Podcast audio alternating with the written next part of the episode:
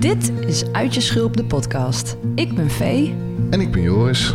En in deze podcast stellen we de vraag: hoe kom je uit je schulp? Hoe ziet dat eruit? Wat is daarvoor nodig? Wat is een schulp eigenlijk? En waarom hebben we een schulp? We gaan met onze eigen kennis en de expertise van onze gastsprekers op zoek naar antwoorden. De thema's ontwikkeling, mentale gezondheid en connectie staan centraal in onze zoektocht. Deze podcast is zowel bedoeld voor mensen die zich pas net in zelfontwikkeling beginnen te verdiepen, als mensen die al meer bekend zijn met het onderwerp. Het is voor iedereen die zich soms een beetje vast voelt zitten, die graag wil groeien, die zich afvraagt waarom ze zijn zoals ze zijn en of dat ook anders kan en zo ja, hoe je dat doet. Pak een drankje en schuif lekker aan. Laten we beginnen.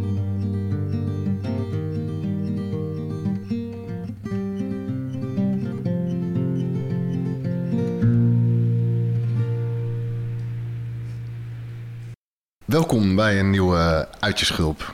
Um, superleuk dat je luistert. En uh, we hebben vandaag de gast Santino. Uh, Santino is uh, de eerste gast die eigenlijk ons gevolg op Instagram heeft opgeleverd. Iemand die zich aandiende, die zei, of eigenlijk die vroeg, zoeken jullie gasten? En Vee en ik hadden geen flauw idee wie Santino was. Een heel klein beetje, ik, maar dat riep ons wel de vraag op van ja, uiteraard. Maar waar gaan we het dan over hebben? Uh, dus we hebben even gebeld met Santino en al vrij snel werd duidelijk dat uh, Santino bij ons wilde komen om eigenlijk een diep persoonlijk verhaal te delen. Het verhaal over uh, delen van zijn leven en hoe het thema uit je schulp komen daar doorheen heeft gespeeld. Uh, dus ik ga geen cv-introductie doen hier. Dat lijkt me helemaal niet uh, relevant. Er komen ongetwijfeld dingen langs uit je leven. En werk. En wat dan ook. En relaties. Uh, die passen bij jouw verhaal. Uh, maar ik wil je eigenlijk gewoon als eerste eens even vragen. Ehm, als je je even zou voorstellen aan de luisteraars. Ehm, wat, uh, wat, wat, wat, wat popt er dan op? Wie, wat moeten ze van Santino weten? Ja, ik ben iemand die, denk ik, vele seizoenen is. Dus ik heb een herfst, ik heb een winter, ik heb een lente, ik heb een zomer. Ik hou van het hele brood, van kap tot kap, qua emoties die ik zelf meemaak. En uh, ik kan heel introvert zijn, maar ik kan ook extravert zijn. -huh. En ik wist al dat ik deze vraag zou krijgen. En ik kon me onderweg van tevoren niet bedenken hoe ik hierop ging antwoorden. Want jij zegt ook tegen mij van, kan je je van tevoren zeg je, nou, kan je je kort zelf introduceren? Ja. En dan zit ik echt, dan gaat in mijn hoofd, ja, maar ja, kort, maar waar willen we het over hebben? bij, over mijn, mijn uh, familiesituatie. Ik ben bij pleegouders opgegroeid. Ja. Of uh, hoe ik, ik heb faalangst. Ja. Hoe ik daarmee omga. Ja. Of ja, uh, ja, dat wist ik eigenlijk niet. Ja. Nee. Dus nou, dat, zo zou ik mijzelf uh, nu op dit moment introduceren. Ja, ja. dat is een heel, heel mooie, heel eerlijke introductie. Ja, ik vind het sowieso een mooie introductie, omdat we vaak beginnen met... Uh, weet je wel, dit werk doe ik of zo. Terwijl eigenlijk um, is het veel interessanter als mensen vertellen... Dit, hier zit ik mee of hier kamp ik mee. Of dit zijn de dingen die ik elke dag voel of denk. Dus ja, ik vind het best wel interessant dat we zo beginnen. Ja, zeker. Ik ook. En Vee en ik uh, gaan jou, als het goed is, uh, op zo'n manier vragen stellen dat we je precies genoeg structuur bieden om, uh, om een verhaal te vertellen. dat, dat gaat over jou. En dat, dus we gaan iets meer, iets meer gericht aan de slag. En de volgende vraag die ik je dan eigenlijk zou stellen is: wat was soort van de prikkel die je voelde om ons dat bericht te sturen om, om te vragen: hey, zoeken jullie nog uh, gasten? Wat, uh, wat, wat, ging er, wat ging er in je om? Ja, eigenlijk kwam dat bij mij omdat ik eens in de zoveel tijd heb ik een uit mijn schuldmoment nodig. Ja. Of uh, voel ik de behoefte om uit mijn comfortzone te stappen. En dat is voor mij ook in dit geval, zeg maar. Ik heb de podcast hiervoor heb ik geluisterd.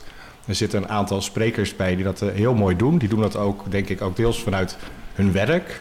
En dat mhm. is voor mij niet het geval. Voor mij is eigenlijk in het publiek of uh, in de aandacht staan... is het tegenovergestelde van waar ik eigenlijk automatisch uh, gelukkig van word. Terwijl het me wel dingen brengt die ik anders niet krijg. Ja. Ik denk dat dat het voornaamste was. Toen dacht ik, ja, je zijn nog niet zo lang met die podcast bezig. Dat gaat over, eh, ook over persoonlijke verhalen, wat mensen dan willen vertellen. En eh, dat ik ook zoiets had, vrienden zeggen wel eens van, ja, je opent niet helemaal in een gesprek of het duurt lang voordat ze je leren kennen. En toen dacht ik van, ja, misschien is dit ook wel een mogelijkheid om aan mijn vrienden later die podcast gewoon toe te sturen en zeggen, nou, hier heb je een uur extra Santino. Heel goed idee. Ja. ja.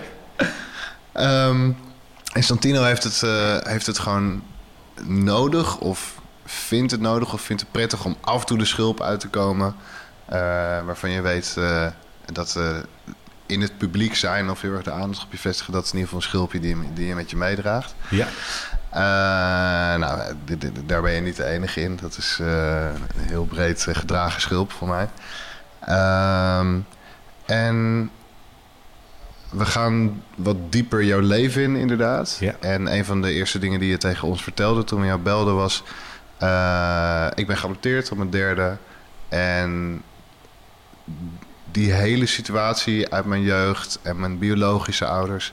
eh, heeft voor nogal wat gezorgd in mijn leven. Zeker. Voor, voor hoe en wie ik ben geworden. Zou je eens gewoon terug willen gaan naar de basis... om, om, om ons en onze luisteraars iets te vertellen over...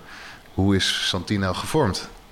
Ja, ik ben, eh, nou laat ik beginnen met een eh, gedeelte wat ik rond mijn derde levensjaar, of tweeënhalve levensjaar, of eigenlijk, nou, eigenlijk nog eerder, mijn geboorte, maar dat kan ik niet herinneren. Dus ik moet het doen aan de hand van de verhalen van familieleden. Eh, mijn biologische ouders waren alle twee heroïneverslaafd op dat moment. Ook toen ik geboren werd. Dus ik ben eigenlijk eh, verslaafd eh, geboren. Hmm. En nou, dan kan- heb je natuurlijk een leefsituatie die niet houdbaar is of die niet duurzaam is. Dus daarbij heeft de jeugdzorg besloten op 2,5-jarige leeftijd van mij dat eh, uit huis werden geplaatst. En dan ga je eerst een, een crisisopvang, dan even een Mhm. kinderthuis en daarna bij pleegouders. Mhm. Eh, ik ben dus eigenlijk niet geadopteerd, want de jeugdbescherming had de voogdij over bij, maar dat is een juridisch dingetje en pleegouders zijn Ah. dan eigenlijk de verzorgers. Ja. En ehm, ja, doordat je daarbij opgroeit of dat je in die situatie zit, heb je eerst gewoon nog van, eh, als je jong bent, heb ik het gevoel dat je eigenlijk het gevoel hebt van dit is gewoon normaal, want dit is gewoon normaal mijn leven. Terwijl er ook heel veel dingen zijn die eigenlijk niet normaal waren. Want toen ik Mhm. bijvoorbeeld bij mijn pleegouders eh, terecht kwam, of daar geplaatst werd, eh dan vertelde een vriendin van mij nog laatst dat mijn pleegmoeder nog had verteld dat ik als kindje de eerste drie of vier weken gewoon letterlijk niet aan de zijde van mijn pleegmoeder ben eh, geweken. Dus als zij naar de wc ging, Hm. moest ik mee of wat dan ook. Oh. Ja. En anders was er gewoon, eh, ja, overstuur. eh, dan was er gewoon grote paniek, zeg maar. En als ik dat meeneem in mijn leven, dan denk ik ook van, waar vergelijk ik mij af en toe mee? Hè, vergelijk ik mij nou met iemand die dat niet heeft meegemaakt?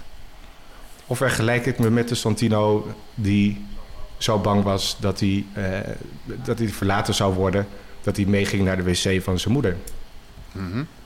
En ik kan je daar geen één antwoord op geven, want dat is altijd verschillend. Dus Mhm. daar heb je ook weer die seizoenen. Zit ik niet lekker in mijn vel, dan zou ik me eerder vergelijken met mensen waarbij het misschien eh, in mijn ogen dan beter gaat dan eh, met mij. Of waarvan Ja. ik denk van dat wil ik ook van mezelf verwachten. Of Ja. Dat verwacht ik van mezelf. Ongeacht jullie verschil in achtergronden of mogelijkheden, of wat dan ook, zeg maar. Ja, ja, Ja. precies. Ja. ja. Ja. En welk seizoen zit je nu?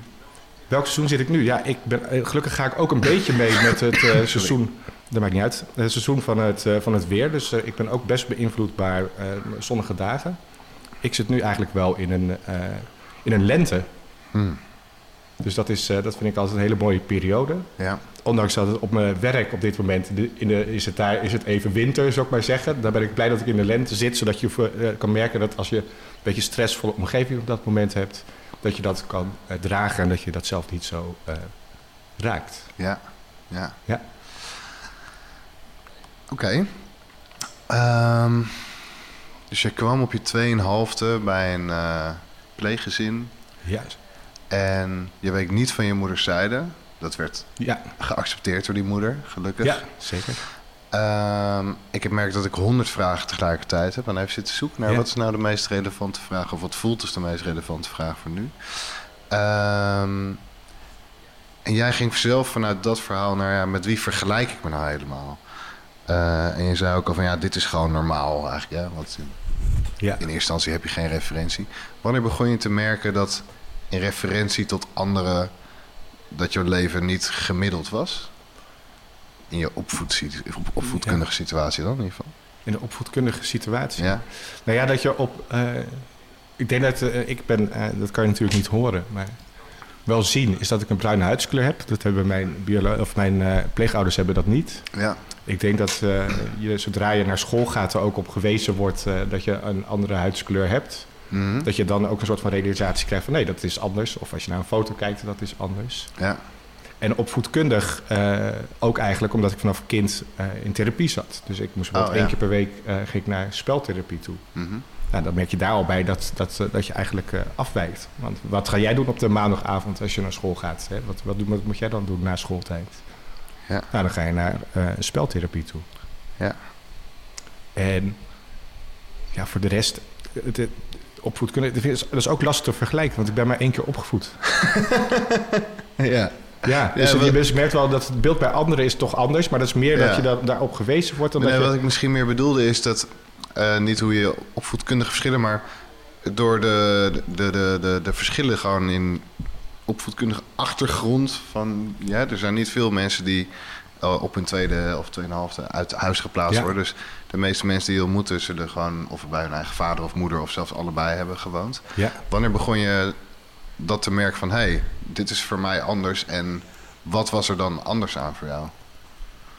Ik denk dat het voor mij een heel groot voordeel was. Dus eigenlijk eerst zou ik zeggen wat er juist gelijk misschien wel aan is.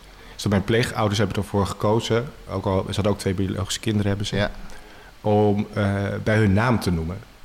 Dus ik denk dat dat al een soort van comfortzone überhaupt gaf. Dus dat je niet hoeft af te vragen of de vraag stelt... is dit nou mijn moeder vanaf het begin? Maar ja, we noemden ze Loes en Niek. En dat deden de biologische kinderen ook. ja, Ehm, ik denk dat de vraag wel gesteld gaat worden... is natuurlijk als, als je op eh, school ook vragen krijgt of opdrachten hebt... of dat je het daarover gaat hebben... dan krijg je natuurlijk wel een uitleg. Want je weet wel, dat is natuurlijk wel verteld... Hè, van je hebt ook nog eh, een biologische moeder ja, en een eh, biologische vader. En toen ik uit het kinderthuis eh, kwam, of eh, nee, mijn eh, biologische tante is op bezoek, biologische tante is op bezoek geweest in het kinderthuis. En die heeft nog verteld dat ik toen heel boos keek, omdat ik dacht dat het mijn moeder was. Maar dat Ah. zegt ook wel iets over je leeftijd. Dus je hebt wel emotie met moeder, maar eigenlijk je herkent niet per se eens de, de persoon. Het was dus mijn tante. ja. En dat is denk ik heel erg uitdagend in mijn leven. Aha. Ik heb namelijk een keertje met een kinderpsychiater gepraat. Gewoon in vrije tijd. En ik zei van, ja, dat is toch wel mooi eigenlijk dat ik me van die periode zo weinig herinner. Want ik zag dat zelf als een voordeel. Mm. Hij zei, zei toen tegen mij van, ja, Santino, ik denk dat het een nadeel voor je is. Want heel veel dingen als therapie worden gekoppeld aan herinneringen. En die heb jij niet. Dus je hebt alleen emoties bij bepaalde situaties. Terwijl je eigenlijk niet iets echt aan kan herinneren. Mhm. Dat maakt het veel lastiger om het ergens aan te ontkoppelen. Ja, Nou, dat was voor mij wel een eye-opener, zou ik maar Ja. zeggen. ja. Niet een hele leuke. Ja, ja, ja, is, ja, zo heb ik het niet ervaren. Oh, nee. ik, ja, Ik, ik zie iemand voor me die eerst denkt van... nou, dat is lekker, ik heb er weet er niks van. En dan vertelt iemand voor je... nee, dat is juist lastig voor je. Ja, maar misschien kwam het wel dat ik het vertelde omdat ik, eh, dat ik, ehm, dat ik, dat ik het vind dat ik aan een bepaalde verwachting dan ook weer van mezelf moet voldoen. Dus dat het eigenlijk iets is dat ik zelf iets heb. Ik wil altijd alles heel graag richting normaal relativeren. Dus als ik dan kan zeggen van, oh, maar dit valt wel mee, Ja, dan is dat. En dan, maar dan vind ik het fijn dat iemand me dat zo zegt en dat ik daar dan eigenlijk van leer. En dat eigenlijk ook een soort van rust dan meteen aan mezelf geef. Van, oh ja, nou, misschien is dat ook wel een reden waarom eh, ik misschien eh 80% van de tijd eh, vol functioneel ben. Maar ik ook gewoon genoeg dagen heb dat ik gewoon niets uit mijn handen krijg. Ja. En die heb, ik, die heb ik gewoon nodig in mijn leven. Ja, ja. Ja. En als je nu teruggaat in gedachten naar je biologische ouders... welke emoties horen daar nu nog bij? Ja, die horen er nu bij. Ik heb mijn biologische vader heb ik één keer ontmoet. Ja, Eh, hij had COPD en toen zou de- lag hij in het eh, ziekenhuis. Dus dat Ja. kreeg ik te horen. Dus volgens mij is dat een jaar of zeven, acht geleden. ja, En eh, toen dacht ik van ja, nu sta ik dus voor de keuze. Ga ik dus de persoon ontmoeten of niet? hm. Dat is natuurlijk de eerste vraag. Toen dacht ik van ja, Er is altijd omheen gezegd van, of als ik het hoor, dat mensen er spijt van hebben als ze die kans hebben gehad dat ze het niet hebben genomen. Dus daar ben, heb ik op gevaren en toen heb ik besloten om daar eh, naartoe te gaan. En hem eigenlijk een aantal vragen te stellen. En eh, voor mij was de belangrijkste vraag: waarom heb je nooit contact opgenomen? Hm. En eh, toen kreeg ik een antwoord, misschien wel van een half uur, waar eigenlijk niets in werd gezegd, behalve dan eh, de strekking van: ja, ik wilde jou de ruimte geven dat jij het kon beslissen. En dat was voor mij een dusdanig antwoord dat ik dacht: van deze persoon hoef ik verder niet in mijn leven. Want dit gaat Hm. mij alleen maar energie kosten. Hm. Weet je, ik heb, jou- heb jou nu de kans om het zo te zeggen. En je maakt er eigenlijk een mooi verhaal van eh, dat je mij de ruimte wou geven. Maar je had gewoon een kans om daar een eerlijk verhaal te geven. Want dat was het gewoon niet. Want hij heeft het gewoon niet Ja. gedaan. Of dat nou kwam omdat hij verslaafd was of wat dan ook. Of dit, voor mij was het gewoon van dit gaat mij heel veel verdriet geven. Dus toen heb ik gekozen om eh het ziekenhuis uit te gaan. En Ja. die deur eh, te sluiten. En toen is hij volgens mij een jaar of anderhalf jaar daarna is hij overleden. Ja, oké. En toen kreeg ik de vraag van mijn biologische zus van... ga je naar de, de begrafenis toe? Zij zegt, ja, ik wil er wel naartoe. Ik zeg, ja, ik ga er dus niet naartoe. Ja. Want wie is familie? Is familie degene van wie je bloed hebt? Of zijn dat degenen die er je hele leven voor je zijn? Hm. Dus voor mij is die vraag van familie is dan ook anders. En ik- die- ik zou die beantwoorden voor degenen die er voor je zijn. Hm. Dat is voor mij eh, familie. Mooi. En het antwoord van je vader voelde niet oprecht genoeg om te kunnen horen en te accepteren. Je voelde, dit is niet...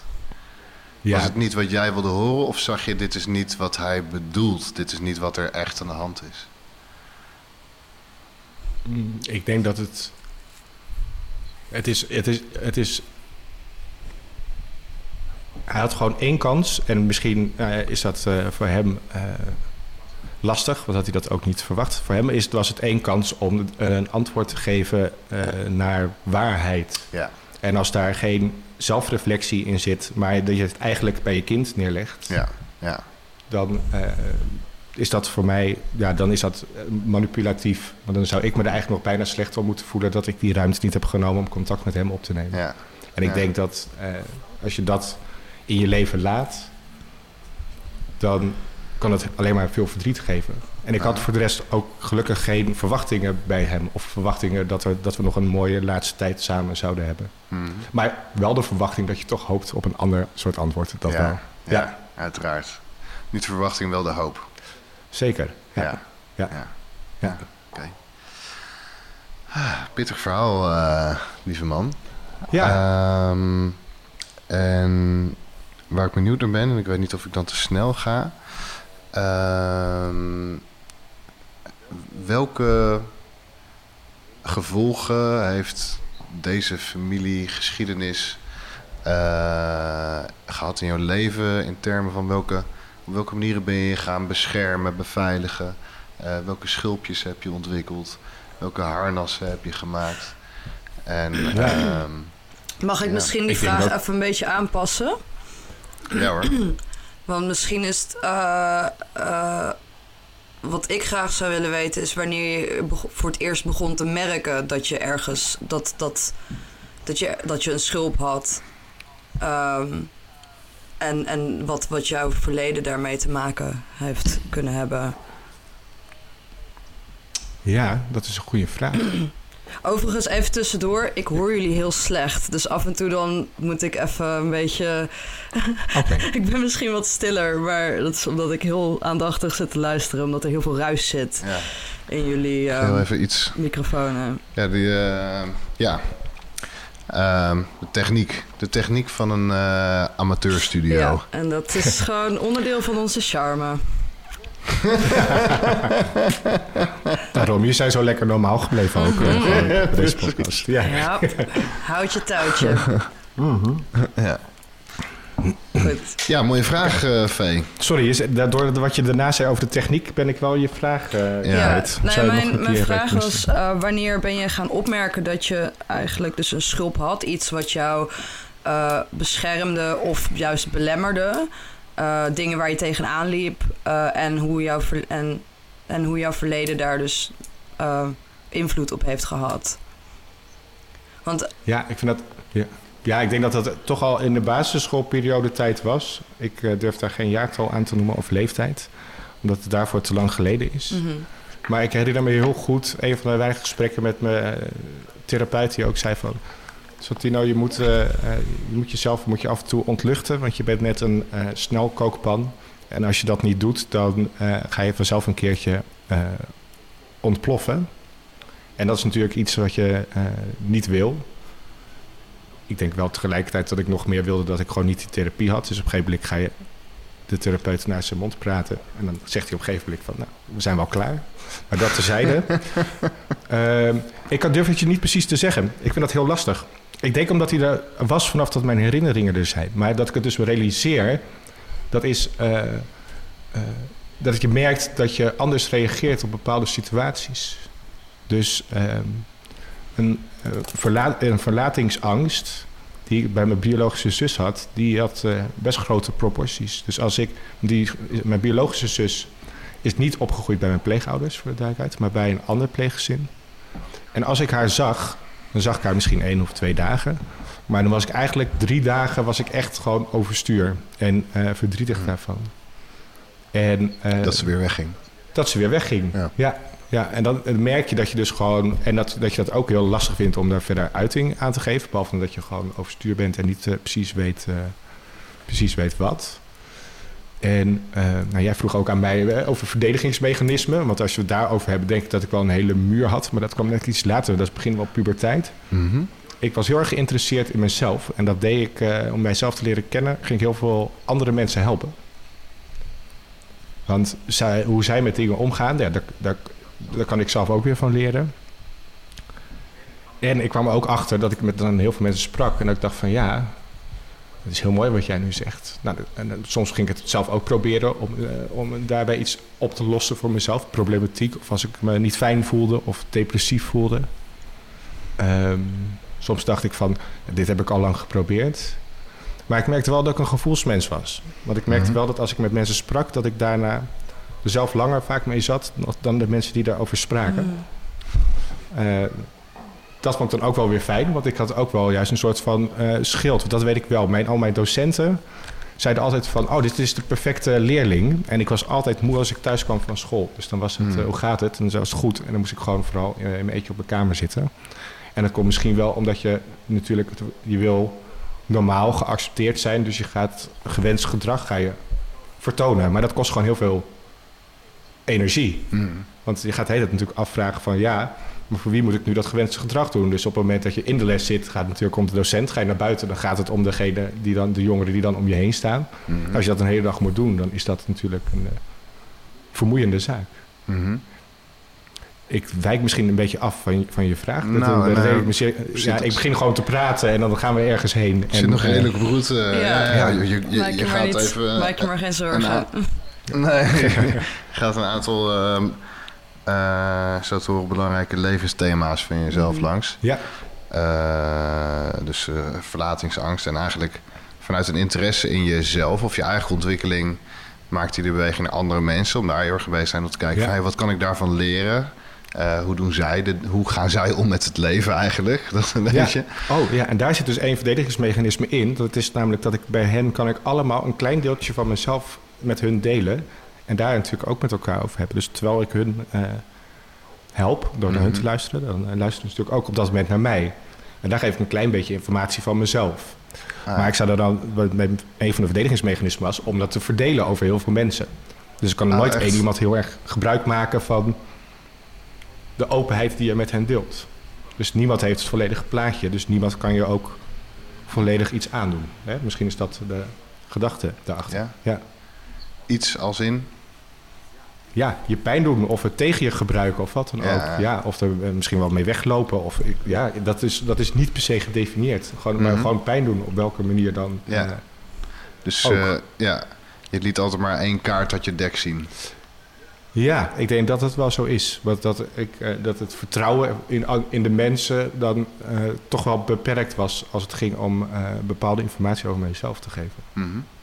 En ik, dat is natuurlijk wel gewoon te relateren aan op het moment dat je op een leeftijd zit waar je in het algemeen leert hechten Mhm. en vertrouwen leert krijgen in ouders. Dat, dat dat moment is juist heel erg verstoord. Mhm. ja. Dus dat is wel, denk ik, dat is wel een mechanisme dat, eh, Ja. dat er zit. En dat zit er nog steeds een beetje. Het Ja. hoort ook bij me en ik heb het ook omarmd. Het is alleen, eh, het is wel veranderd in de loop der jaren. ja. En daar ga je mee dan aan de slag en dan leer je. En dan denk je af en toe van, goh, wat doe ik er lang over? En soms denk je van, nou, dit ging eigenlijk toch ook best wel goed. Ja, ja. ja. En daar komen weer die seizoenen kijken. Van hoe kijk je er zelf tegenaan? Mooi. Tegen jezelf de situatie op dat moment. Ja. Ja. En wat zijn ehm, belangrijke veranderingen en ontwikkelingen daarin geweest? En hoe hebben die zich afgespeeld in je leven? Ehm, ja, ik denk dat. Ik, ik had, de- ik had de- deze week kwam er een zin in me op van je wil, eh, je- wil bepaalde dingen wel ook bereiken in het leven. Bijvoorbeeld. Dus je wil wel een bepaalde verbinding met iemand. Dus als je bijvoorbeeld een eerste liefde hebt, dan, wil je, Mhm. dan is er, komt er zo'n kracht eigenlijk die je dan misschien niet kende. Maar die komt er dan in je leven, die in één keer tegenover die angst gaat staan van vertrouwen of wat dan ook. En dan ziet hij van ja, maar ik ga dit even challengen. Weet je wel, ga, ga je je openstellen daar naartoe of naar iemand Mhm. daarin echt. Dat is het eerste wat ik Ga ik meer dan één kaart uit mijn dek laten zien? Precies, ga ik meer één kaart dan uit mijn dek laten zien. En dan is het, dan is het dus mooi om te merken dat als. ehm, of, of dat, je, dat er een heel groot geluk voor je gevoel in de toekomst zit. Of dat, je, dat ik nou een heel erg juist ongelukkig iets heb. Als ik dat tegenover mijn angst heb om iets te gaan doen of te veranderen. Of daar open naar te raken. Terwijl die, terwijl die, die angst, juist, of, of die ongelukkigheid of juist die beeld naar heel erg geluk toe Mhm. groter wordt dan dat, dan kan ik juist een soort van omslaan en een soort van revolutie ontketenen om er een grote verandering naar te doen. En dan was het juist wat ik merkte in mijn liefdesrelaties, dat zij dachten van, oké, we hebben elkaar nu misschien drie keer ontmoet. Moet je al per se zeg maar alles delen en zeggen en wat dan ook. Dit is wel een beetje een grote eh, tsunami. Dus dan heb ik ook weer geleerd dat je dat ook wel weer een beetje moet levelen. Ja. Want als je zegt van ja, ik kan af en toe een soort traumatische reactie hebben als ik iemand mis, dat ik heel erg eh heimwee, verdriet kan hebben, zeg maar net een kinderlijke overstuurheid. Terwijl ik nu weet, ik moet gewoon een nachtje slapen, dan is het weg. Ja. Ja, daar zitten mensen niet per se op te wachten. Dus je moet een beetje leren, levelen met daarmee om te gaan. Want je hebt heel lang natuurlijk helemaal heel weinig gedeeld. En dan wil je natuurlijk wel meer gaan delen. En heel vaak zie ik bij mezelf, maar ook bij andere mensen om me heen... een eerste tegenreactie is juist tegenovergestelde. Dichtslaan. ja, van, van het dicht zijn naar juist heel erg open. Of Ja. ja, ja hè, dus dat je, daar, dat je daar een weg in moet vinden. Ja. Ja. ja. En ja, ik heb als vriendschappen eh, in de middelbare school hadden we een hele fijne vriendengroep had ik. En toch had ik het ook het gevoel dat ik het fijn vond dat ik daar bijvoorbeeld eh, schepen kon achter me achter verbranden en eh, naar de Schelling kon gaan bijvoorbeeld. Om daar een half jaar in de horeca te werken Mhm. en nieuwe vrienden te ontmoeten. Omdat het voor mij hielp om opnieuw open te kunnen zijn, maar dat ik ook op dat moment naar de nieuwe mensen toe de persoon ben wie ik op dat moment ben. Want mensen in het verleden Mhm. zullen ook altijd het andere gedeelte herinneren. Ja. En ik geloof dat mensen dus ook veranderen. Ja. Eh, en dat het af en toe makkelijker is eh, dat als je verandert, om dat in een nieuwe setting tentoon te stellen. Dus een nieuwe setting qua vrienden. Ja. Want de oude zullen je altijd in eerste instantie zien als de, het oude wat je was. schilderijtje die ergens stond. Ja, dat was. Ja. Precies. Mm. Ja. Ja. En voor de rest, ja, en nu in mijn leven. eh, nou ja, ik heb nog gewoon, ik heb nog wel, ik heb gewoon, ik heb faalangst bijvoorbeeld. Ik denk dat dat ook wel echt, eh, dat, eh, dat, dat, komt, dat, dat blijf ik ook altijd wel houden. En dat Ja. is met een toets of zo, dat kan zo raar zijn. Of een rijbewijs halen. Ik ging mijn rijbewijs halen. En dan ben ik zo zenuwachtig. En dan haal ik het niet, maak ik allemaal fouten. Ik reed, reed drie verkeerslichten achter elkaar door rood.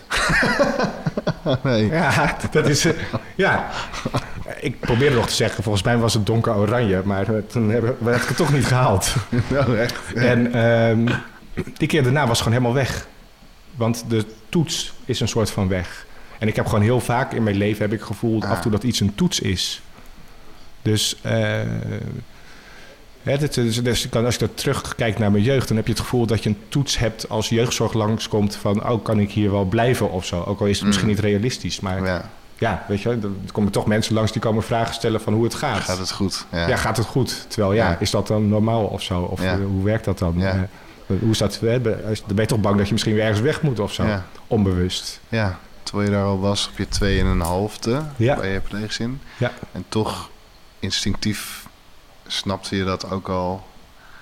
eh, dat het belang eraan hing. Zo van, eh, Ja, ja, dat, ja zeker. Ja. ja. En nog en daarom denk ik ook dat ik ook wel redelijk, afs- ook naar pleegouders ook wel redelijk afstandelijk was met bepaalde emoties delen. ja, Dat je toch daar een, zekerheid, en, eh, daar een bepaalde zekerheid in wil voor jezelf. Dat, dat, Mhm. niet, dat je niet te veel wil kwijtraken. Want het is natuurlijk hartstikke fijn, want je band wordt sterker met iemand als je natuurlijk deelt met wie je bent en wat dan ook. ja, Maar daar heb je ook meer om eh, kwijt te raken. ja, ja. En hoe is dat nu met eh, de, de, de, band met eh, Lies en... Loes en Niek. Loes en Niek? Ja. Nou, die is wel een stuk beter. Het zijn echt hele aardige mensen. ja, Dus dat is natuurlijk wel bijzonder, of wel eh, in mijn leven, dat je nou, van een super instabiele situatie echt naar een meest stabiele situatie die je kan hebben eh, met eh, hele aardige eh, ouders. En ik denk dat het nu meer opent, dat er nu meer, dat ze meer van mij kennen en dat ik meer met hen deel. Dus dat is nu, nu, laat het, nu begin ik, ze beginnen ook wat ouder te worden. Dus dan heb je ook het gevoel van ja, dat, je, dat, dat wil ik graag nog wel met hen, met hen delen. Hm. Mm, ja, nee, zo zou ik mijn relatie nu met hun eh, omschrijven. ja, ja. Ja. En zijn er nog grote eh, topics die je wil aansnijden met ze, die, je- die je spannend vindt? Of, eh, weet dat ze hier ook naar kunnen luisteren, hè? Ja, zeker. zeker. Nee, dat, dat maakt niet uit. Dat maakt niet uit. Nou, het rare is dus, ik ben dus eh, verhuisd eh, eh, ongeveer een eh, half jaar tot een jaar geleden. En eh, ik laat niet zo snel dus mensen... Ik nodig niet zo snel mensen bij mij thuis uit. Dat Oh, is ook echt? nog een ding die misschien eh, met bescherming hoort eh, in een bepaalde situatie. Dus als kind ging ik al graag bij anderen spelen. Dat heb ik nog steeds een beetje. Dus het heeft ook een half jaar geduurd eh, voordat mijn ouders samen met mijn pleegzus op bezoek zijn gekomen bij mij. En dan word ik dus heel zenuwachtig. Het voelt echt als een soort van toets. Huh. Dus daar heb ik echt een abnormale eh, voor. Terwijl dat eigenlijk dat, dat is eigenlijk helemaal niet zo. Zo zullen ze dat ook nooit benaderen. Maar zo voelt het voor mij wel. En dat is. eh, ja, dat, dat eigenlijk. Maar en dat omdat je dan toch gaat kijken, toch gaat vergelijken. Misschien. En ik ben, ik ben zelf namelijk. Ik ben ten eerste ben ik niet de meest nette persoon. Ik vind af en toe dingen lastig om het een beetje af te maken. En dan. Nou, ik vind zelf dat ik een prima huis heb en ik ben er ook gelukkig mee. Maar dan zie ik bijvoorbeeld bij mijn pleegzus een huis en, en dat vinden ze dan eh, groter of mooier of wat dan ook.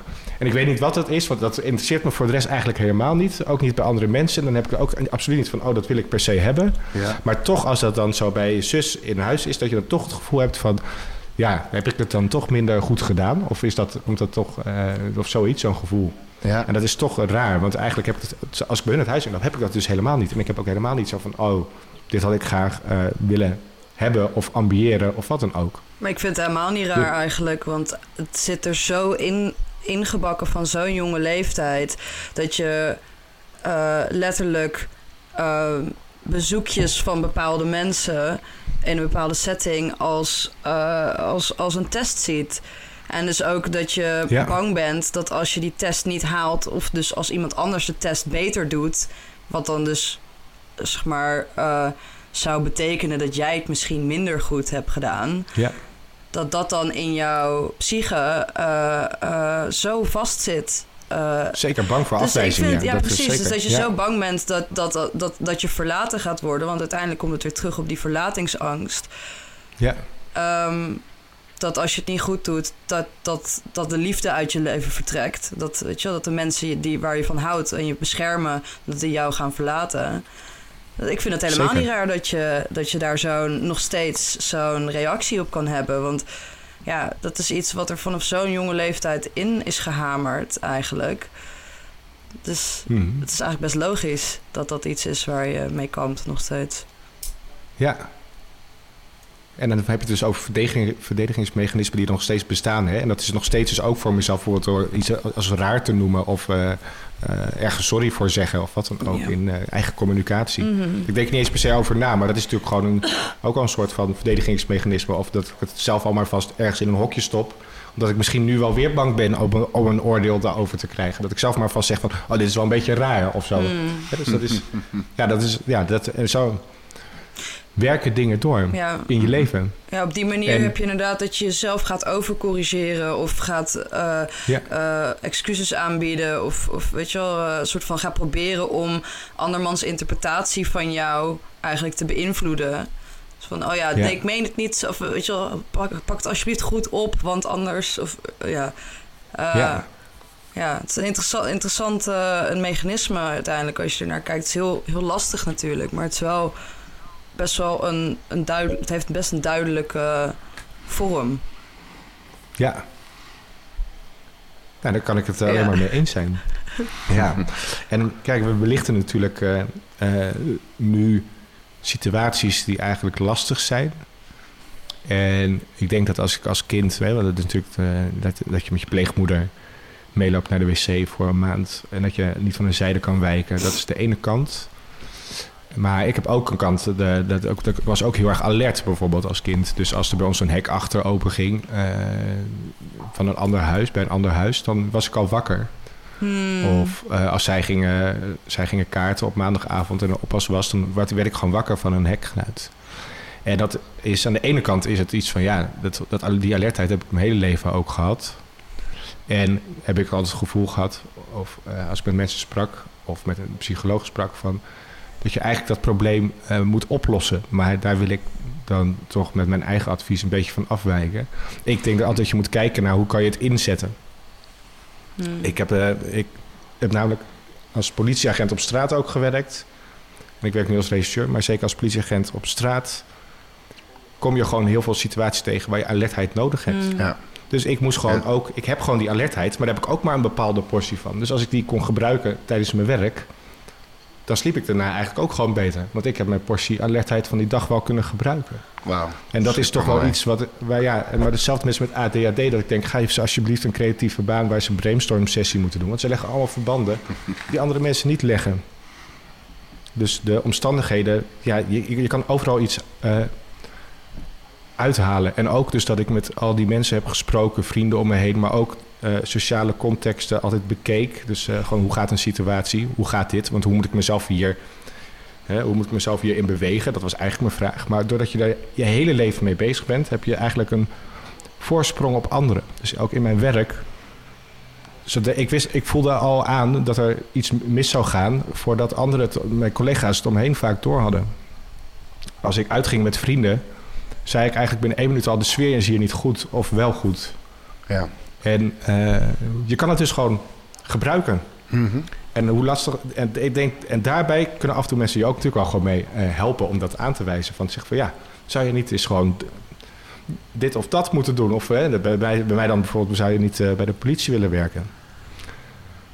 En want eh, ja, het liefst, of in ieder geval, daarbij heb ik natuurlijk ook weer verwachtingen van wat, willen me, wat wilden mijn ouders wat, dat ik doe. Nou, van de politie vonden ze bijvoorbeeld heel erg leuk. Maar op een gegeven moment ben ik ook weggegaan bij de politie. Dat vonden ze misschien wat spannender, aangezien de zekerheid eh, wegging.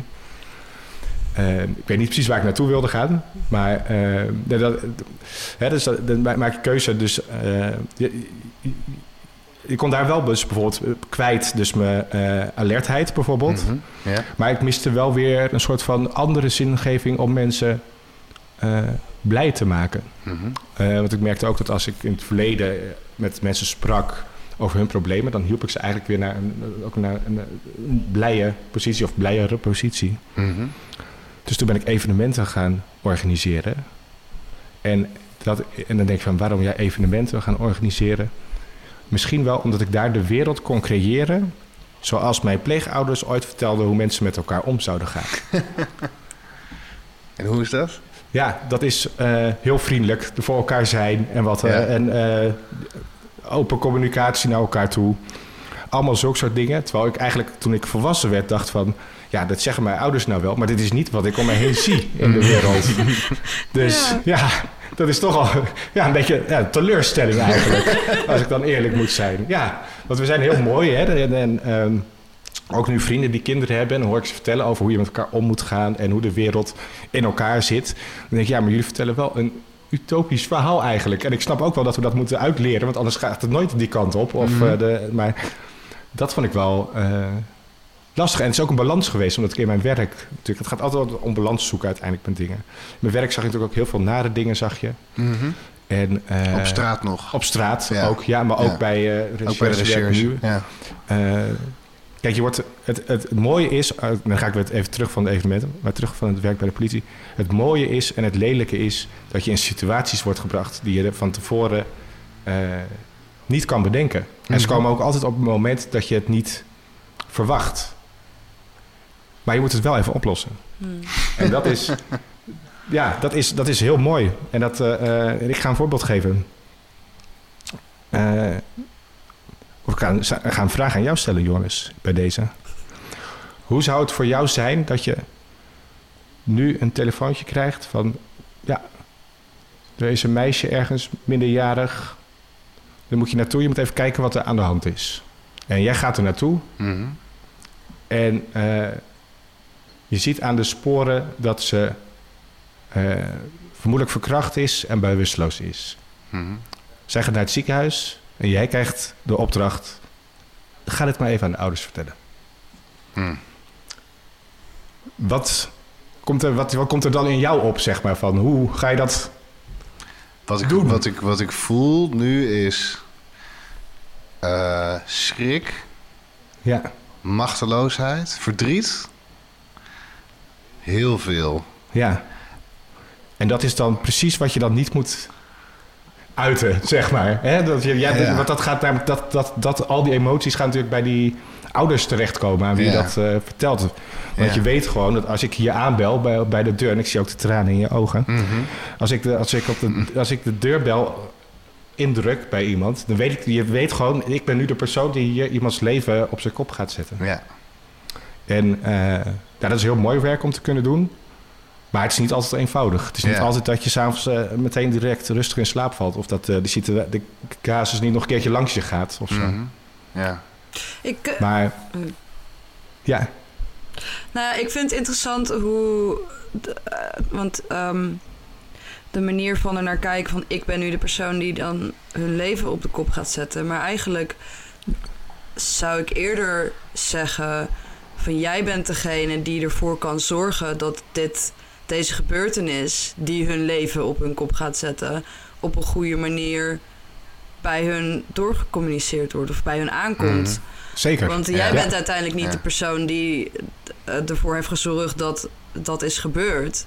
Want het gebeurde is wat hun leven op de kop gaat zetten. Zeker, zeker. En, Ja. en, en eigenlijk heb jij dan de mooie, wel tragische, maar mooie eh, verantwoordelijkheid om dus ervoor te zorgen om die ouders meteen vanaf het moment dat ze dit horen, de zorg te geven eh, om dit te kunnen dragen. Ja. Zo zie ik Nee, het zeker. Ja, ja, nee, maar ik realiseer me ook heel goed dat ik de belichaming ben op dat moment Ja. van hetgene wat hun leven op hun kop Ja. zet. En dat is natuurlijk heel mooi, dat je daar iets aan kan eh, bijdragen. Ja. Mhm. En daar is ook het belangrijkste, maar dat is, dat is eigenlijk gewoon dat je, je moet altijd, je moet eerlijk zijn. Nee, je moet zeggen wat je weet en wat je, eh, en niet dingen zeggen die je niet weet. Mhm. We zijn zo geneigd om mensen, eh, Om het mooier te maken. ja, ja, Zie je, wat zeggen ze? Dat het misschien inderdaad met eh, zachte heelmeesters maken stinkende wonden. Ja. En dat in zo'n situatie zeker ook zo. ja. En, En zo de- maak je, En ma- mag je eens vragen, je, je sprong van Ja. de evenementen Ja. naar de recherche. ja, sorry. En het, ja. het voorbeeld dat je nu noemt is voor mij niet een toevallig voorbeeld, want dit is het type werk waar je in zit hè, bij de recherche. Ehm, eh, dus je ging van de utopie Ja. en de realisatie, dit is een utopie, naar Ja. de keiharde realiteit. En Ja. een van de meest harde realiteiten die, er, die je maar Zeker. kan bedenken. Eh, en daarin de- denk ik dan, hè, als ik het ook even zo voor me zie, ben je dan toch gaan proberen om er in ieder geval iets beters van te maken. Om wel een beweging richting een mooiere wereld. Zeker. Met in het oog houdende dat een utopie een utopie is. En niet een realiteit. Zoiets? Of, Ja. of kan je Ja, nee, maar dat is, dat is ook zo. Maar je weet in ieder geval dat als we dat niet doen, dan wordt het, wordt het, wordt, gaat het, wordt het slechter. Ja. En ik, eh, ik, heb voor mezelf, ik, ik heb heel veel interviews gekeken in het verleden, al jaren ergens tussen, gewoon tussendoor, naar, van oudere mensen die vertellen over wat ze hebben, aan de ene kant wat ze hebben gemist eh, in het leven, dus wat ze anders zouden doen. Eh, maar ook eh, waardoor ze bijvoorbeeld gelukkig oud zijn geworden. Hmm. En door naar die interviews te kijken van oudere mensen, heb ik voor mijzelf, ik hou heel erg van een bepaalde doelstelling te hebben in het, Mm. eh, in het leven. Ook gewoon bij anderen, om ook een bepaalde problemen op te lossen of gewoon met mijn werk. Maar mijn grote doel is dat ik wil terugkijken als ik bejaard ben in een bejaardentehuis. Of ergens anders, dat kan ook. En dan wil ik kunnen zeggen tegen mezelf, als ik in de spiegel kijk, dat ik iets heb bijgedragen aan de samenleving. En dat ik daar hou ik nou ook gewoon echt voldoening uit. Dat je, dat je, dat, ik weet nu al dat ik daar dan blij mee ben. Dat ik kan zeggen van ja, dat heb ik toch maar even geflikt. Dat je be- wat het betekent in eh het leven van mensen. Of dat nou anoniem is, dat zij niet eens weten wie jij bent. Of dat dat eh, op persoonlijk vlak is. Hmm. Ja. Ja. En het voelt alsof je dat aan het doen bent Ja. nu. Zit daar dan nog een soort van prestatiedrang op dat, je, dat dat nog meer moet worden of dat dat nog groter? Of heb je eigenlijk zoiets van, oh nee, als ik, als ik zo bezig blijf op de manier waarop ik bezig ben tot nu toe eigenlijk in mijn leven, dan is dat, dan is dat goed. Dan is dit pad wat ik nu bewandel goed en groot genoeg. Eh, ja, kijk, op dit moment is het goed en groot genoeg. Ja, Maar ik, misschien zou ik hem anders stellen voor mijzelf. ja, Kijk, als ik, als ik wist dat ik morgen dood zou gaan, dan zou ik op die manier terugkijken, zoals ik ook op mijn ja, bejaardenleeftijd op terug zou kijken. Mm, ja. Maar als ik nu voor mijzelf zou zeggen van, ja, nu heb ik wel voldoende gedaan en Hmm. ik word misschien 80 en eh, de volgende 45 jaar hoef ik niets meer te doen, ja, dan denk ik niet meer dat ik dan op die manier terug kan kijken. Dus het moet, voor Ja. mij, het moet wel iets, het is iets gewoon wat ik wel continu in mijn leven wil doen. Maar het is niet per se dat ik het gevoel heb dat het meer moet, maar ik heb, weet wel dat ik ongelukkig word als ik er niet mee bezig ben. Ik heb ook een, eh, eventjes bij een mediabedrijf gewerkt in de Mhm. marketing. En ik heb heel erg respect voor mensen die dat gewoon vol overgave kunnen doen. Maar ik word er, werd er gewoon niet gelukkig van. Mhm. Ik dacht, eh, ja, dit, geeft mij niet, dit geeft mij geen voldoening. Mhm. Ja. Ik vind, het, Ja. ja. ik vind het ook heel bijzonder. Ik wil het gewoon nog even gezegd hebben. Ja, Ik vind het heel bijzonder eigenlijk dat je ehm, een aantal van de dingen die jou eigenlijk eh, in sommige situaties dus niet per se hebben geholpen, zoals die overalertheid. Eh, Want ik kan me ook voorstellen dat dat dan in sommige situaties juist angst oplevert. Weet je, die angst triggert of die verlatingsangst triggert. Dat je dat inzet eh, om, om juist mensen te helpen. Dus eigenlijk je, ja. Ja. hoe zeg je dat? Ik wil het niet een belemmering noemen. Maar omdat ik nu even geen ander woord kan Mhm. vinden. Eigenschap? Ja, of nou, ja, en ook van een eigenschap die jou en ook van niet per se heel veel heeft geholpen persoonlijk. Ja. Om die dus in te zetten om juist wel andere mensen te helpen. En eigenlijk dus ook jouw ervaring van eh, ja, interacties in moeilijke momenten, die eigenlijk jij zelf hebt meegemaakt. Dat je dat Ja. ook hebt kunnen gebruiken om, om dus, ja, ik vind dat een heel, heel bijzonder iets dat je daar een, een plek voor hebt gemaakt in je leven. In plaats van bijvoorbeeld daarvan weg proberen te lopen of weet je wel, dat anders te maken. Nou, dankjewel. Wou ik ja. even gezegd hebben. Dat vind ik echt Ja, heel dat, mooi. Dat vind, ik, nou, vind ik aardig dat je dat ook zo zegt. betekent niet dat ik gewoon momenten heel graag van dingen wegloop. Ja. Ja, want af en toe is het ook gewoon heel fijn. Want je kan niet altijd alles aangaan. nee. Ja. Soms wilde ik, ik wil- wilde als jeugdige, hè, met, ook met anderen praten, met, eh, met, eh, met vrienden over hun problemen. Ik wilde eigenlijk alles oplossen. En alles wilde ik begrijpen. En alles wilde ik een verklaring voor kunnen hebben. Mhm. Maar nu, en als ik nu naar deze leeftijd nu kijk, dan denk ik dat af en toe is wijsheid ook gewoon eh, iets niet willen weten. Mm. En iets niet willen weten hoe iets in elkaar zit. Dat is misschien ook wel heel erg, heel erg fijn. Dat geeft misschien wel meer rust dan de achteraan gaan. Maar waarom is dit nou? En waarom is dat? Want als ik de waarom-vraag beantwoord, dan is namelijk, word ik streng voor mezelf. Want dan denk ik van, ja, waarom heb je dat dan zo laten gebeuren? Terwijl als ik de waarom-vraag niet Ah. beantwoord, hoef ik dat ook niet zoveel over na te denken. Dat kan de volgende stap zijn in dat onderzoek. Ja, Ja. ja dan denk ik dat dat wel zo... Ja, ja, Ja. dan ga ik het onderzoeken en dan denk, ben ik zelf... Ik ben zelf heel kritisch op mezelf. Dus dan is het...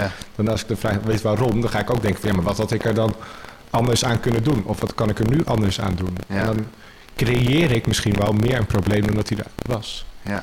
En op dat opzicht zou je in de marketing dan weer een goede baan hebben. Dan creëer je een probleem en dan maak je dan een oplossing voor. En dan heb je een heel mooi product.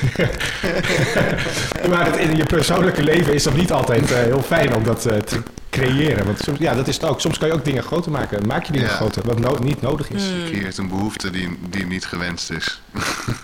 Ja, gewoon dat je dan gewoon, dan heb je weer iets extra's om streng op jezelf voor te zijn. Ja. ja, als je het gewoon niet weet hoe het zit Ja. en gewoon accepteert van het is gewoon even zo, dan heb je daar, heb Ja. ik daar in ieder geval meer rust in. En hoe is dat nu voor jou in het werk dat je nu doet? Want daar zit een Ja. vraag in van hoe is dit gebeurd? En er zit ook een vraag in daarboven. Hoe, hoe komt het dat dit gebeurt? Mhm. De, meer in, in, op maatschappelijk niveau? Of, Ja. eh, spelen die niveaus ook voor jou? Kan je deze vraag voor mij toch nog eh, Concreter iets, iets, maken, ja, iets concreter maken? Ja, je kan kijken naar een, naar een zaak en uiteraard moet je erachter komen hoe is dit gebeurd. Mhm. Wie zijn erbij betrokken geweest, Ja. op welke manier. Eh, en er is een metavraag die gaat over de maatschappij. Die gaat over hoe kan het dat dit soort dingen gebeuren in, Ja. in ons land Ja. of in deze gemeente. Dus ik vroeg me even af door je uitleg van, nou ja, soms is het maar beter om de waarom niet te stellen. Of je, Ja, de waarom, ja, de waarom eh, om dat niet te weten. Ja. ja. Dus zit dat ook, zitten die niveaus ook in dit werk wat je doet? Dat, eh, of is daar ook een niveau wat je niet hoeft te weten? Nou, nee, ja, bij mijn werk wil je heel graag, dat is het, het spel is, eh, eh, het is geen spel, het is heel serieus werk. Eh, is om erachter te komen natuurlijk wat er is gebeurd. Ja, En dat wil je natuurlijk heel graag, wil je heel graag weten. Dat is je doel om erachter te komen van wat er, wat er is gebeurd. mhm. Maar wil je het per se altijd weten? Dat niet. Is het gezond voor me om het te weten? Dat niet, maar het is wel het doel van mijn werk. Ja. Dus stel, en het is gewoon een eh, hypothetische kwestie, maar ik, ik zie regelmatig dode mensen. Maar stel je hebt een, een, een, overleden iemand.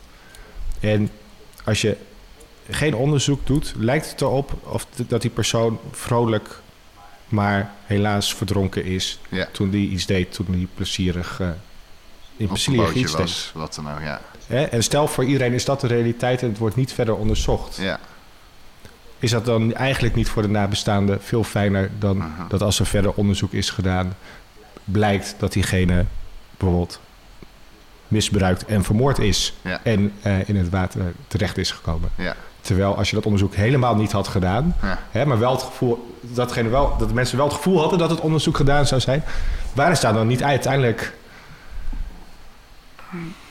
beter mee af? Of dan- ze- zouden ze dan niet een beter gevoel hebben? Dan, het is alleen maar dat je weet dat, hè, als zij zouden weten later van, oh dat was niet de realiteit, dan worden ze natuurlijk boos of wat dan ook. Maar als dat, die realiteit, als dat de realiteit is die je zou kunnen schetsen, dan zou het toch liefst ook iets zijn wat je ook zou willen doen. ja. Maar toch is, eh, ja, maar uiteindelijk wil je ook wel de waarheid weten natuurlijk. Maar ja, ik wil ook af en toe wel in een leugen leven. toch? Af en toe is dat toch ook gewoon Ja. fijn? Even Ja. tussendoor, ik geloof, Ja. want ik denk dat het misschien goed is om ook nog even, nog even duidelijk te zeggen dat dat een, een theoretische situatie is. Ja, Eh, zeker. a- Ja, Aangezien natuurlijk ook jouw werk, eh, ja, zeg maar, ja.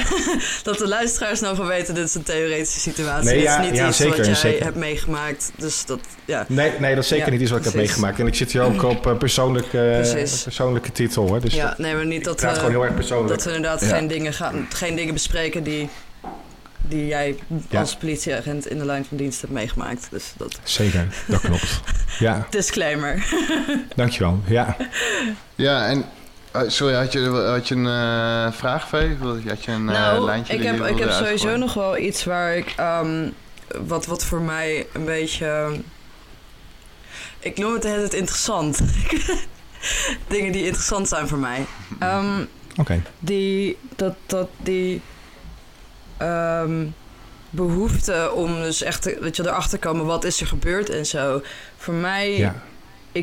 ik merk dat dat bij mij, want ik heb de eer, ja, het moment dat jij dus met jouw biologische vader hebt gesproken, eh, dat heb ik hier on, in mijn notitieblokje onderstreept. Want daar is uiteindelijk Mhm. ook een behoefte van. Wat, weet je wel, vertel me de waarheid. Wat, weet je wel, hoe voel jij? Like, er, er zit daar een, zo, ja, een diepe behoefte. En het is dus heel interessant dus dat dat dus nu ook op jouw professionele eh, leven terugkomt. Die, die behoefte om dus de waarheid te vinden. Ehm, En ehm, mijn vraag is... eh, denk je dat je ooit de waarheid gaat vinden? Like, ook als je een, een zaak oplost, misschien. Maar wat, ja... Gaat het ooit, denk je, een antwoord... Ga, je ooit een antwoord krijgen? Denk je? O- Op welke vraag? Op welke waarheid die van mijn vader? Of eh, gewoon... oh, nou ja, ik merk, ik merk dat er dus zo'n soort zoek, zoektocht zit, constant naar een waarheid. Denk je dat je Ja. ooit de waarheid, like, in meer in het algemeen, van... Ja, dat is een hele abstracte Het vraag, sorry. Het is een hele abstracte Ja, mag ik vraag. hem, mag ik hem proberen te Ja, graag, herformuleren? doe het. Dus ik zeggen, wanneer is je, wanneer is je eh, honger naar het zoeken, eh, in het zoeken naar waarheden gestild? Ja, En misschien is dat soms een, in een moment of in een periode of in een heel seizoen. ja, precies. of Ja, misschien... ik denk dat dat eigenlijk nooit echt is. Nee. Nee, ik denk ook niet dat dat weggaat. Ja. Nou, dingen, nee, want als ik ontspannen doe en ik zeg... ik heb een avond niks gedaan... dan ben ik ook gewoon nieuwsberichten aan het lezen... artikelen aan het lezen. Eh, op die manier ben ik op zoek naar een soort van... wat gebeurt er en een soort van eh, realistische waarheid op dat moment. ja. En wat is een soort van de, de fundamentele vraag die je beantwoord probeert te krijgen? Ik, ik, weet niet of ik een fundamentele... Nee, dat, ik, ik denk het, dat ik die juist dat ik daar die zoektocht al heb gedaan... en dat dat me eh, ongelukkig heeft gemaakt. Want Ah, ja. ik heb een best wel negatief... Nou, ik, ben niet, ik, heb, ik heb een negatief eh, beeld ook over de mensheid. Want als ik kijk naar hoe de mensheid zich op deze aarde gedraagt... zou ik hem eerder vergelijken met een parasiet dan met een knuffeldier. Hmm. Hè, want wij gebruiken best wel veel van, de, van alles om ons heen. Ja, En dat vind ik een best wel droevig beeld. ja, Dus ik hoef niet per se een elementaire zoektocht verder juist naar, eh, van, over het leven en eh, hoe wij als mensheid eh, zijn en waarom ik in dit leven ben. Mhm. Omdat ik, dat maakt mij ongelukkig. Dus die, Ja. daar, hoef ik geen, daar hoef ik geen elementaire zoektocht Ja. meer naartoe. En waarin vind jij dan je geluk en je drijfvuur en je passie, en creativiteit en je liefde? Ja, dat is. Eh, Dat is, eh, vroeger wilde ik dat altijd in grootste dingen doen. Of grootste dingen doen of voor mensen betekenissen eh, dat te hebben. Ik denk dat liefdesrelaties... Ik ben nu toevallig vrijgezel. Maar bij liefdesrelaties... Zeker bij mijn langste relatie... Die heeft mij leren genieten van easy wins. Terwijl ik er eigenlijk gewoon fundamenteel op... eh, Dat is een mooie woord dat je net koos. Fundamenteel op tegen was op easy wins. Ik zeg, ja, doe nou maar gewoon lekker een easy win. Koop iets voor jezelf of weet ik veel. Maakt niet uit wat het is. Ga gewoon iets voor wat je, wat je op dat moment wil. Of ga, weet ik- zijn ze zelfs van, of ga een pornofilm kijken. Wat jij, als jij maar gewoon even nu een easy win nodig hebt, doe het maar.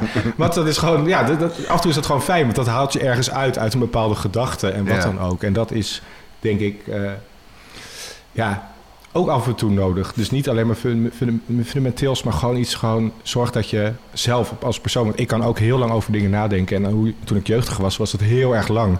Te lang. En dan word je ongelukkig, dan word je daar depressief van. Omdat je daar niet meer uitkomt. En je hebt geen momenten dat daar licht in, je, in de donkere gedachtencyclus zit. Ja, Dus dan is het goed dat je jezelf kan aanleren om er een paar easy wins uit te halen. Of dat je bepaalde dingen doet waardoor je je beter voelt. Bijvoorbeeld eh, bewegen, gaan hardlopen of zo. Voor mij kan dat best wel helpen. Mhm. Mhm. Alleen, ik heb ook wel een innerlijke saboteur die er heel graag voor zorgt dat ik dan alle twee mijn hardloopschoenen op een andere plek in het huis verstopt heb, ergens. dat op het moment dat ik dan wil gaan hardlopen, dat ik dat niet kan vinden. En dat ik dan denk van, ja, zie je wel, ik kan het ook niet eens vinden. Dus ik kan wel weer gewoon terug eh, ontevreden mijn bed ingaan. ja. Ja. ja. Dus ik probeer wel een soort van. Ik heb wel altijd een soort van tweestrijd zelf met mijn innerlijke saboteur. Om ervoor te zorgen dat, mijn, eh, dat ik op goede momenten eh, in mijn leven voorbereidingen tref voor als ik eh, in een winterseizoen, dus dat ik me niet lekker voel of Ja. ongelukkig voel, seizoen terechtkom. Ja? Dus ik zorg ervoor dat eh, tegenwoordig ligt mijn hardloopschoenen liggen klaar, netjes, dat ik gewoon naar buiten kan. Op het moment dat ik me minder goed voel. En hoe heet die innerlijke kant van jezelf? We- sorry, de, De, degene die de schoenen klaarlegt?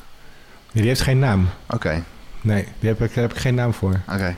Nee, nee daar, daar- daar heb ik nog niet zo over nagedacht of Nee. die een naam heeft. Ja. En Nee. wat, doet hij, wat doet hij nog meer? Hoe die helpt- kant, Ja, hoe helpt hij je nog meer? hij helpt mij nog help je meer. jezelf nog Ja, meer? ik help mezelf nog meer. Daar hebben we het toen ook aan de telefoon even over gehad. Ik help mij nog ook om lijsten te maken op het moment dat ik me goed voel met kleine dingen die ik kan gaan doen. Ja. Die bijvoorbeeld geen geld kosten, geen tijd kosten, waar ik bijvoorbeeld niemand voor nodig heb. Die je altijd kan doen. En dat ik dan een lijst daarvoor heb. En dat als ik me ongelukkig voel en sowieso dan niet kan bedenken dat er leuke dingen zijn om te doen. Mhm. Dat ik dat lijstje gewoon ga afwerken en merk dat ik er gelukkiger van word. ja. Want dat kom je in een visueuze cirkel. Dat je ten eerste zelf meer in, je, in jezelf gaat vertrouwen. Omdat het zijn je eigen oplossingen die je hebt bedacht. Ja. En eh, eh, op het moment dat ik ongelukkig ben, dan, dan, dan roept mijn geest eigenlijk om hele grote veranderingen in mijn leven. Maar Ah. ik heb mijzelf wel aangeleerd om eh, grote levensveranderingen, dingen te doen op het moment dat ik juist goed in mijn vel zit. ja, in de lente. In de lente inderdaad. Want Ja. dan heeft het tijd om te bloeien. En als het namelijk eh, in de herfst is, dan...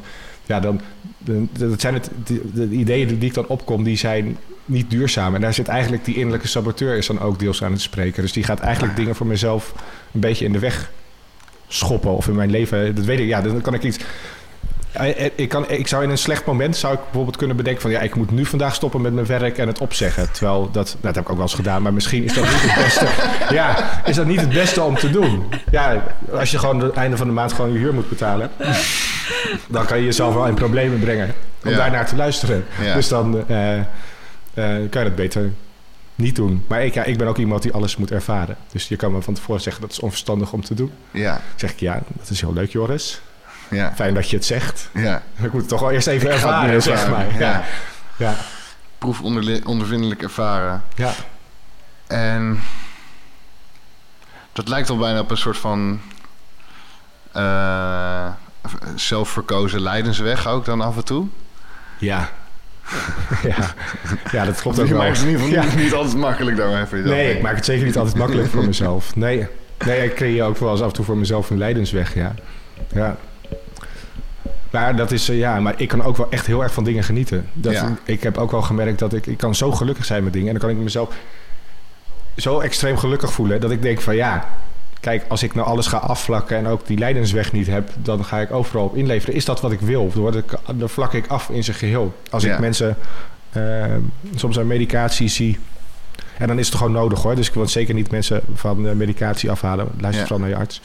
Eh, als ik zie dan hoe ze afvlakken in hun geheel, denk ik van ben jij dit dan nog als persoon? En natuurlijk moeten de slechte periodes niet zijn. Maar ja, ik heb, ik, ja, goed, je hebt het in de vorige afleveringen ook over gehad, over yin en yang. Ja. Ik vind het wel mooi dat... eh, ik heb een tatoeage, dat staat eh, voor Taoïsme. En daar in het, bij Taoïsme, dat is een eh, Chinese filosofie. Daar noemen ze het in ieder geval eh, yin en yang. betekent dat, dat is één berg. En de ene kant is de schaduwzijde van de berg. En de andere kant is de zonzijde van de berg. En dat vind ik eigenlijk nog mooier dan dat hoe het af en toe wordt gezegd. Want het is één berg en die zon die draait rond. En de schaduwzijde is elke keer op een andere plek. En ik weet niet wat ik ermee wil zeggen eigenlijk. Maar wel in de zin van dat dingen in balans moeten zijn. Zonder het ene is het andere er niet. Eh, ik kan Nou, ook... Ik, wat, als ik, wat, ik, wat ik jou ermee hoor zeggen is... door deze metafoor en door dit te geloven... en in mezelf Ja. te hebben verankerd... ja, eh, kan ik het mezelf veroorloven om mezelf soms in een gigantisch eh, eh, moeilijke situatie te storten. Want ik weet ook dat die schaduwkant toch weer gaat verschuiven... en dat ik er ook Ja. weer uit ga komen. zeker. En ik vind het ook... Ja, ik vind verdriet ook heel mooi bijvoorbeeld. Ik heb ook een keer een eh, relatie gehad... met een meisje die heeft het uitgemaakt op vakantie.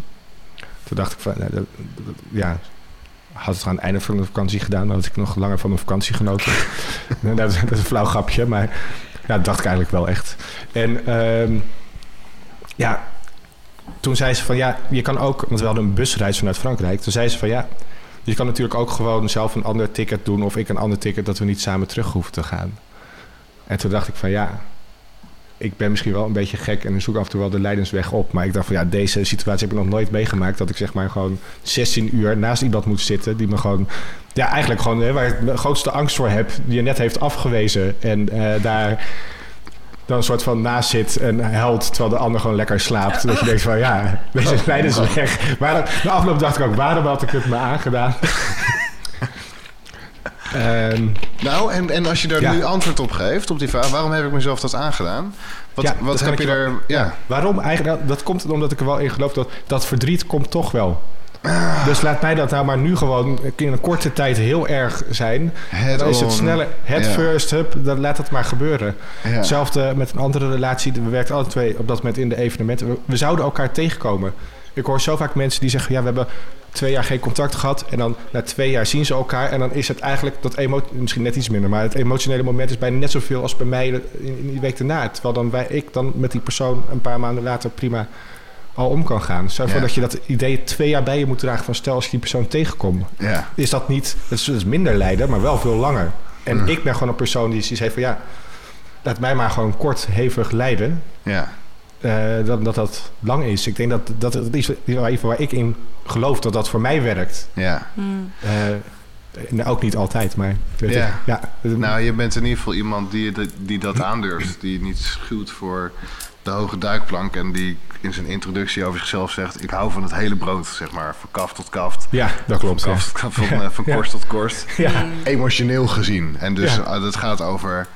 eh, en je zegt ook al, ik vind verdriet ook iets moois. Eh, en dit Het heeft zijn, al lang geduurd hoor. Dat ik dat, dat, heb ik, dat, dat, dat was niet zomaar zo. Dat vond ik Ja. eerst heel lastig. Ja, ja. Dat heb ik ook, heel lang heb ik dat veroordeeld. Dat ik dacht van ja, maar je hoeft toch niet verdrietig eh, over te zijn over bepaalde dingen.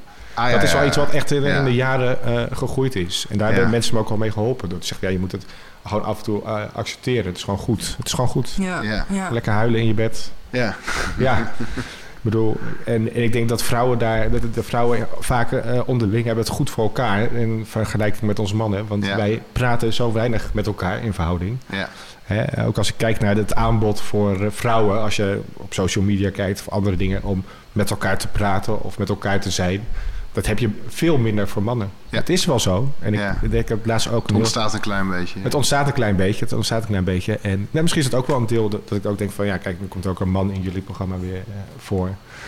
Die eh, ergens over vertelt. Ja, Want ik, weet- het is ook zo dat me- het zijn veel meer mannen die zelfmoord plegen. En dan denken we ook wel eens nou ja, als mannen van hé, misschien moeten we er wat eh, überhaupt aan doen, zeg maar. Voor elkaar of met elkaar. En het zijn altijd dat mensen zeggen, ja, dat had ik niet. hadden we niet, niet altijd, maar vaak zeggen ze toch, ja, dat hadden we niet verwacht. Of eh, hadden, dat- mensen het niet zien aankomen, zeg maar. En Ja. dat zijn vaak mannen. Ja. Ivo ook, ik heb ook veel zelf, zelfmoordsituaties gezien. ja. Er zijn veel mannen waarvan dan in één keer het uit het soort van uit het niets komt en de trigger eigenlijk iets heel kleins is. En Ah, dat er niet per se een grote, lange psychiatrische problematiek achter zit. Huh, ja. Voor ons gevoel van buiten. Dus Ja. dat is een taak voor ons mannen. hè. En dat jij hier misschien ook wel bij de podcast. eh, Ja, nee, zeker. Ja. En ik, we vinden het ook heel fijn dat, we dat, dat, daar hebben we, Vee en ik het ook eh uitgebreid over gehad. Van we moeten, we moeten meer mannen. En dat hebben we nu ook eh, Ja. aan onze gasten gevraagd. Vragen we iedere keer van wie, wie zou jij uit deze podcast willen horen? Oh ja, dan moeten trouwens ook mannen bij zitten. Ja. Ehm, en ja, ik, ik kom dit ook tegen in mijn werk, eh, Santino, waar het vaker met mannen harder werken is om te komen tot het punt dat je heel erg open kan zijn over Ja. je volledige emotionele binnenwereld. En niet alleen over het stukje boosheid, want daar Ja. zijn we wel eh, vaak wat beter in. Ehm, en eh, dat is over het algeheel genomen, hè, eh, beste luisteraars. Ehm, ehm, mooi. mooi. heb je mooi. misschien al, ook al een beetje een verdedigingsmechanisme? Dan zit ik mezelf te bedenken dat. Misschien heb ik het zelf niet eens door. Is dat ik ook. Ik, een, een van mijn verdedigingsmechanismen is ook van onderwerp veranderen. Dus misschien heb je al gemerkt in dit gesprek dat we af en toe van het ene naar het andere vliegen. En dan zit ik mezelf te bedenken. Ja, dat is best wel ook een onderdeel van mijn persoonlijkheid. Ik ben best een sterke spreker en ik kan best snel een gesprek een bepaalde kant op laten gaan. Ah ja. Mhm. ja. En niet eens expres of wat dan ook, maar als ik nu zo op terugkijk, denk ik van, oh ja, misschien is dat hier en daar ook wel eh, gebeurd in Ik dit denk- gesprek. Ja. Wij gaan zo die podcast terugluisteren en dan denken we... Wat heeft hij met ons gedaan? Nou, nou moeten we ook heel eerlijk zeggen, wij zijn ook goede, wij letten goed op ook. Dus eh, we kunnen dingen best terugsturen wat dat betreft. Oh, ik hoor nu helemaal niks meer. Oh jee. Oké. Oh, echt? ja, nee, En ik hoor, ik hoor jullie wel Ja? weer een beetje. Hey, eh, over onderwerp, van onderwerp veranderen gesproken. Ja, Ehm, dat wil ik gaan doen. ik ben er klaar Ik voor. wil namelijk even naar de laatste paar vragen die wij op ons Ja. eh, lijstje hebben.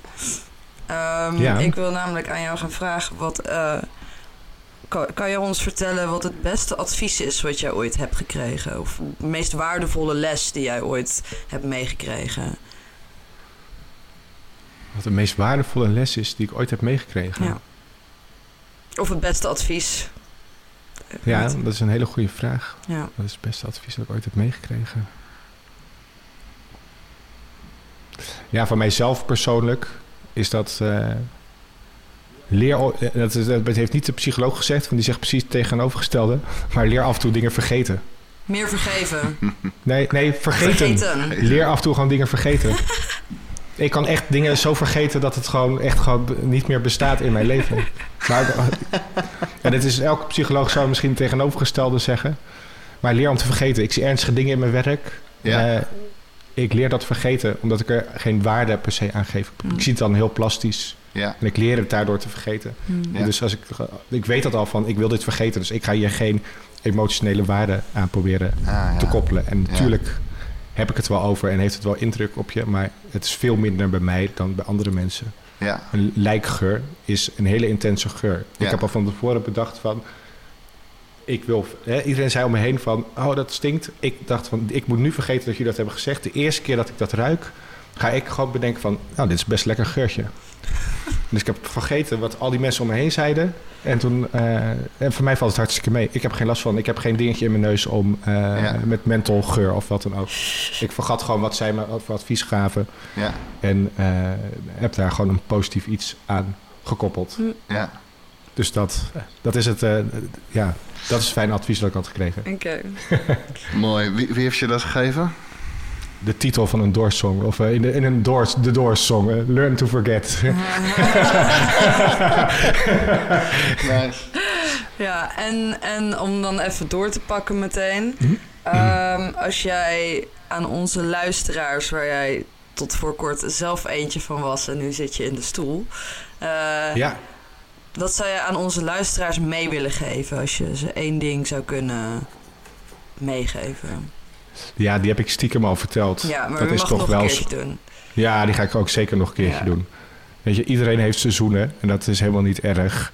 Maar zorg er wel voor eh, dat je in de lente en in de zomer een positieve voorraad voor de winter hebt. En dat je de middelen creëert voor slechte tijden. Want heel vaak vergeten we dat. Hmm. Te vaak. Te vaak zijn we dan van, oh, maar als het goed gaat, dan hoef ik alleen maar in het moment te leven. Ja, maar Ja. je weet ook dat er andere momenten komen. En zorg dan dat je je goed eh, voorbereidt. Ja, precies. Mooi. Ja. Ja. Ja, ja, Dus de winter is de tijd om je voor te bereiden. precies. Nou ja, de, de, lente dus. Ja, sorry. Ja. Ja. Ja, de winter kan je dus ook tijd om voor te bereiden, maar geestelijk dat er weer iets moois aankomt, namelijk Ja, eh, de lente. ja. Ja. Ja. Ja, precies. Want in de herfst Ja. dan sla je in, inderdaad. Dan sla je in, dan zorg je ervoor dat je, Ja. dat je Ja, de oh, winterslaap doorheen, doorkomt. eh, ja, ja, in de, de barre tijden dat er niks te oogsten valt.